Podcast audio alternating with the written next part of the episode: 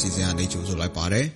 2023ခုနှစ်စက်တင်ဘာလ6ရက်နေ့ဒီနေ့ကျွန်တော်တင်ဆက်မယ့်အစီအစဉ်မှာတော့ပြည်သက်တွေစဝင်စားပွဲမွန်ပြည်နယ်သတင်းပြည်တွင်းသတင်းနဲ့အာဆီယံသတင်းသတင်းပေးပို့ချက်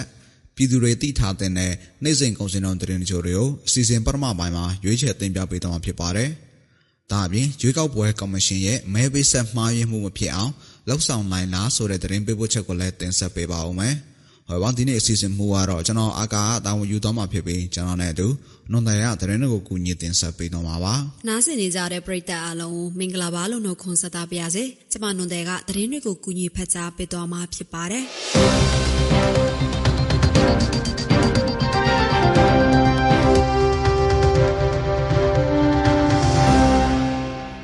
ဦးဆုံးသတင်းတစ်ပုဒ်အနေနဲ့ စစ်ကောင်စီစစ်တပ်နဲ့ကရင်မျိုးသားလူမျိုးရေးတမတော် KNLA ပြည်သူ့ကာကွယ်ရေး PDF ပူးပေါင်းတပ်ဖွဲ့တို့အကြားတိုက်ပွဲပြင်းထန်နေတဲ့မွန်ပြည်နယ်ရင်းမြို့နယ်မှာလက်နက်ကင်အဖွဲ့အချို့ကဒေသခံတွေကိုဖမ်းဆီးပြီးချင်းချောက်ငွေတောင်းခံတဲ့ဖြစ်စဉ်စံတိုက်ပြုလုပ်နေတယ်လို့ဒေသခံတွေကနေသိရပါဗျ။ညပိုင်းတွာလာနေတဲ့ဒေသခံပြည်သူတွေကိုအမည်မသိလက်နက်ကင်အဖွဲ့အစည်းတွေချို့တို့ကညမထွက်ရအမိတ်အကြောင်းပြချက်နဲ့ငွေနဲ့လာရွေးခိုင်းနေတယ်လို့လည်းဆိုပါတယ်။ စက်တင်ဘာလဆန်ပိုင်းကကနေကမော့ရွာသားတအူကိုအမည်မသိလက်နက်ကင်အဖွဲ့တစ်ခုကဖမ်းဆီးပြီးတရထိန်ထိန်ထားပြီးနောက်တနေ့မှာပြန်လွတ်ပေးဖို့ငွေ9သိန်းတောင်းခံခဲ့တယ်လို့ငွေပေးလွတ်မြောက်လာသူတွေကဆိုပါတယ်အဲ့လိုပဲချမ်းသွားရင်ဖမ်းဆီးခံရတာ တန်ငါလုပ်ငန်းသွားရလောက်ကန်ရင်ဖမ်းဆီးခံရတဲ့သူတွေရှိနေပြီးပြန်လွတ်ပေးဖို့တူကိုကြက်၄သိန်းထိပေးဆောင်နေရတယ်လို့လည်းသိရပါတယ်။ဖမ်းဆီးခံရသူတွေဟာပတ်စံပေးရမှာဖြစ်ပြီးမပေးရင်တပ်ပြစ်မဲ့လို့ချိန်ချောက်ပြောဆိုမှုတွေရှိလာတဲ့အတွက်ဒေသခံတွေဟာစိုးရိမ်ထိတ်လန့်နေကြပြီးလုံခြုံမှုမရှိတဲ့အခြေအနေတွေကြုံတွေ့နေရတာဖြစ်ပါတယ်ခင်ဗျာ။နောက်ထပ်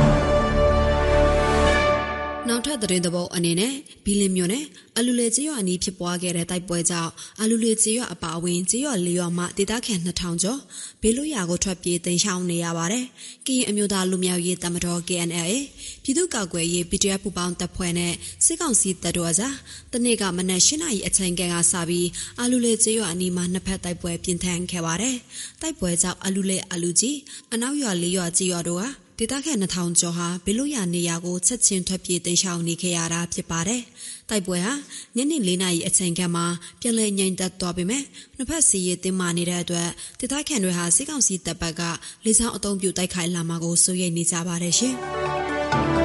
။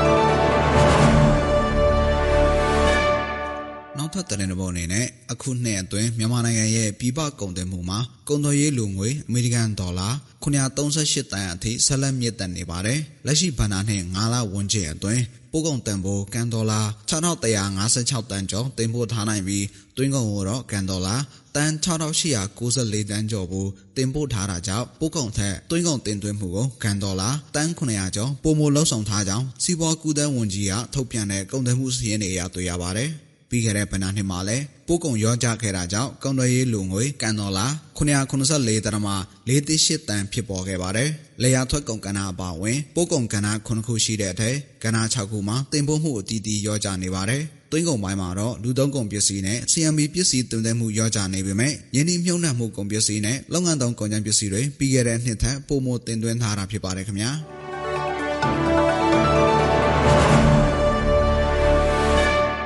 ထပ်သတင်းသဘောအနေနဲ့ပဲခူးတိုင်းညောင်လစ်ပင်ခရိုင်အတွင်းကြေးရွာတွေကိုစစ်ကောင်စီပစ်ခတ်တဲ့လက်နက်ကြီးကြောင့်ဒေသခံပြည်သူ2ဦးသေဆုံးပြီး2ဦးဒဏ်ရာရရှိခဲ့တယ်လို့ကရင်အမျိုးသားအစည်းအရုံး KNU ကသတင်းထုတ်ပြန်ထားပါတယ်။လဲထိုးကြောက်ကြီးမြို့နယ်အတွင်းကနတ်တန်ကွင်းမှာအခြေချထားတဲ့ချင်းလျင်တရင်ခလာရ264ကနေတရစီလောနှရွယ်ပင်ရွာကို120မမ80မမတို့နဲ့ပစ်ခတ်တာကြောင့်အသက်29နှစ်အရွယ်အမျိုးသားသေဆုံးခဲ့တယ်လို့ဆိုပါတယ်။ ဒါပြင်တနေ့ကနွားရီချောင်းကြီးရွာကိုစစ်ကောင်စီက87မမလက်နက်ကြီး15လုံးလောက်ပစ်ခတ်ခဲ့တာကြောင့်နောက်ထပ်အမျိုးသားတဦးသေဆုံးခဲ့ပါသေးတယ်။ဒါပြင်စစ်ကောင်စီရဲ့မိုင်းနှင်းမိပြီးတမင်အင်းကုန်းကြီးရွာကအမျိုးသား2ဦးလည်းထိခိုက်ဒဏ်ရာတွေရရှိခဲ့ကြသေးတယ်လို့ KNU ရဲ့ထုတ်ပြန်ချက်မှာဖော်ပြထားပါတယ်ရှင်။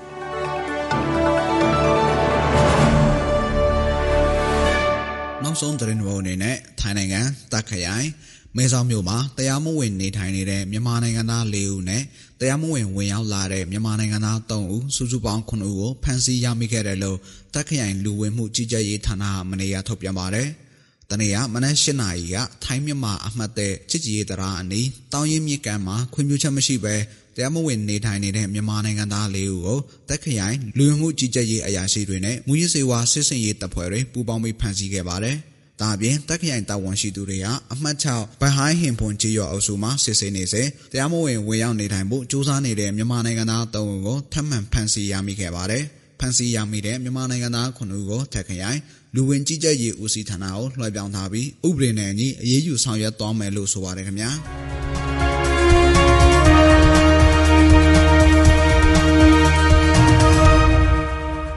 ဆလာပြီ ပြည်သူတွေသိထားတဲ့နေ့စဉ်ကုန်စည်နှုန်းတဲ့ချိုးတွေကိုမော်လမြိုင်ကုန်စည်တိုင်းကအချက်လက်တွေကိုအခြေခံပြီးကျမနွန်တဲ့ကတင်ဆက်ပေးပါဦးမယ် ကနေ့ထိုင်းမြန်မာငွေလဲနှုန်းကတော့ထိုင်းဘတ်98.5နှစ်ဝယ်ဈေးရှိပြီးတော့ရောင်းဈေးက103.5နှစ်ရှိနေပါတယ်။ဒေါ်လာဈေးကတော့အမေရိကန်ဒေါ်လာကိုဝယ်ဈေးမြန်မာငွေ3500ကျပ်ရှိပြီးရောင်းဈေးကတော့3590ကျပ်ရှိနေပါတယ်။ရွှေဈေးနှုန်းကမီလ16ပဲရည်တစ်ချက်သားကိုအပြင်ပေါက်ဈေး38သိန်းဝန်းကျင်မှာရှိနေပါတယ်။ 73စီတွေကတော့ဒီဇယ်တလီတာကို2455ကျပ်အောက်တိန်62တလီတာကို2280ကျပ်နဲ့65တလီတာကို2930ကျပ်အထိရှိနေပါတယ်ရှင်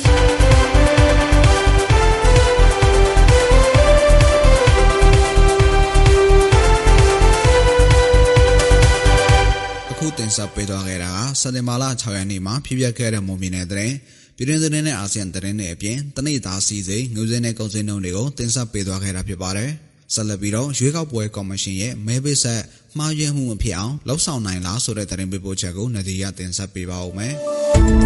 ။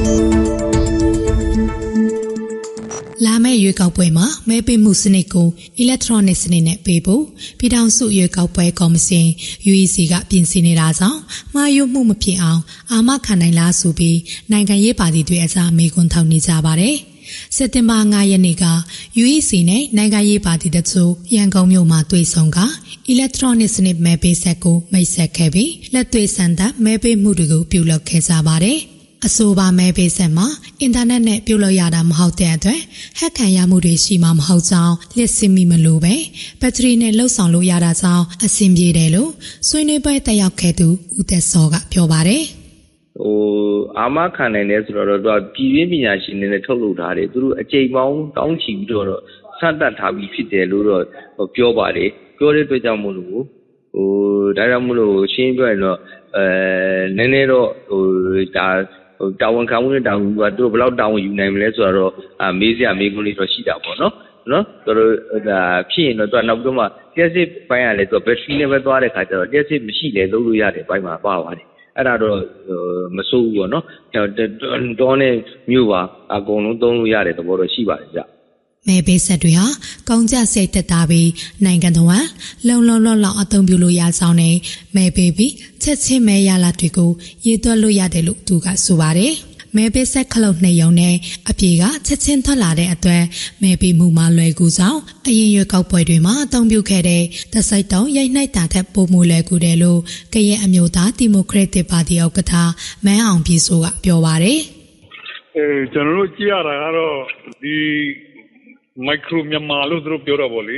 အဲဒီစက်နဲ့ပေးတဲ့ဟာကကဲပြီးဟိုမမအဲဟိုလိန်နာဟွက်တာပညာသားနဲ့ဟိုလုတ်တာပြုထားတာတွေမရှိဘူးဆိုရင်တော့ဘယ်လိုပြောလဲမြတ်တယ်လို့ပြောရမှာပေါ့နော်အဲအဲ့လိုပဲကျွန်တော်သဘောပေါက်တယ်လေအဲပူနေခွင့်မရှိဘူးအဲလူတယောက်ကတခါပဲနှိပ်ပြီးပေါ်လာတယ်ပေါ့ပေါ်လာပြီးအဲ့ဒီအဖြေပဲအဲ့တော့အဲ့ဒါဟိုပါပေါ့ဗျာအဲ့လိုဖြစ်စီတွေ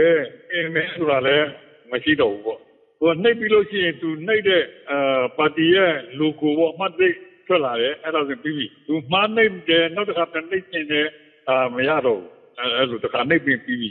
2023ခုနှစ်စက်တင်ဘာလ9ရက်နေ့က UEC နဲ့တွေ့ဆုံပွဲကိုနိုင်ငံရေးပါတီ36ပါတီမှကောင်းဆောင်တွေတက်ရောက်ခဲ့ကြပါတယ်။အဲ့ဒီတွေ့ဆုံပွဲမှာ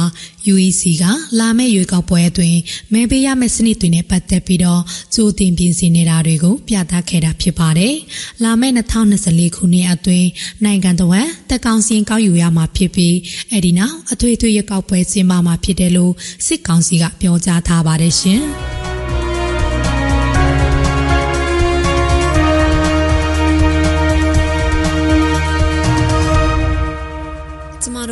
ကျမတို့ရဲ့မော်လမြိုင်မှာပေါ့ကတ်အစီအစဉ်ဒီမှာတင်ပြီးဆုံးပါပြီ။နားဆင်နေကြတဲ့ပရိသတ်အားလုံးကိုနောက်နေ့အစီအစဉ်တွေမှာဆက်လက်အားပေးကြပါဦးလို့ဖိတ်ခေါ်ရင်းအစီအစဉ်ကိုဒီမှာပဲအဆုံးသတ်ပါရစေ။အားလုံးကိုကျေးဇူးတင်ပါတယ်ရှင်။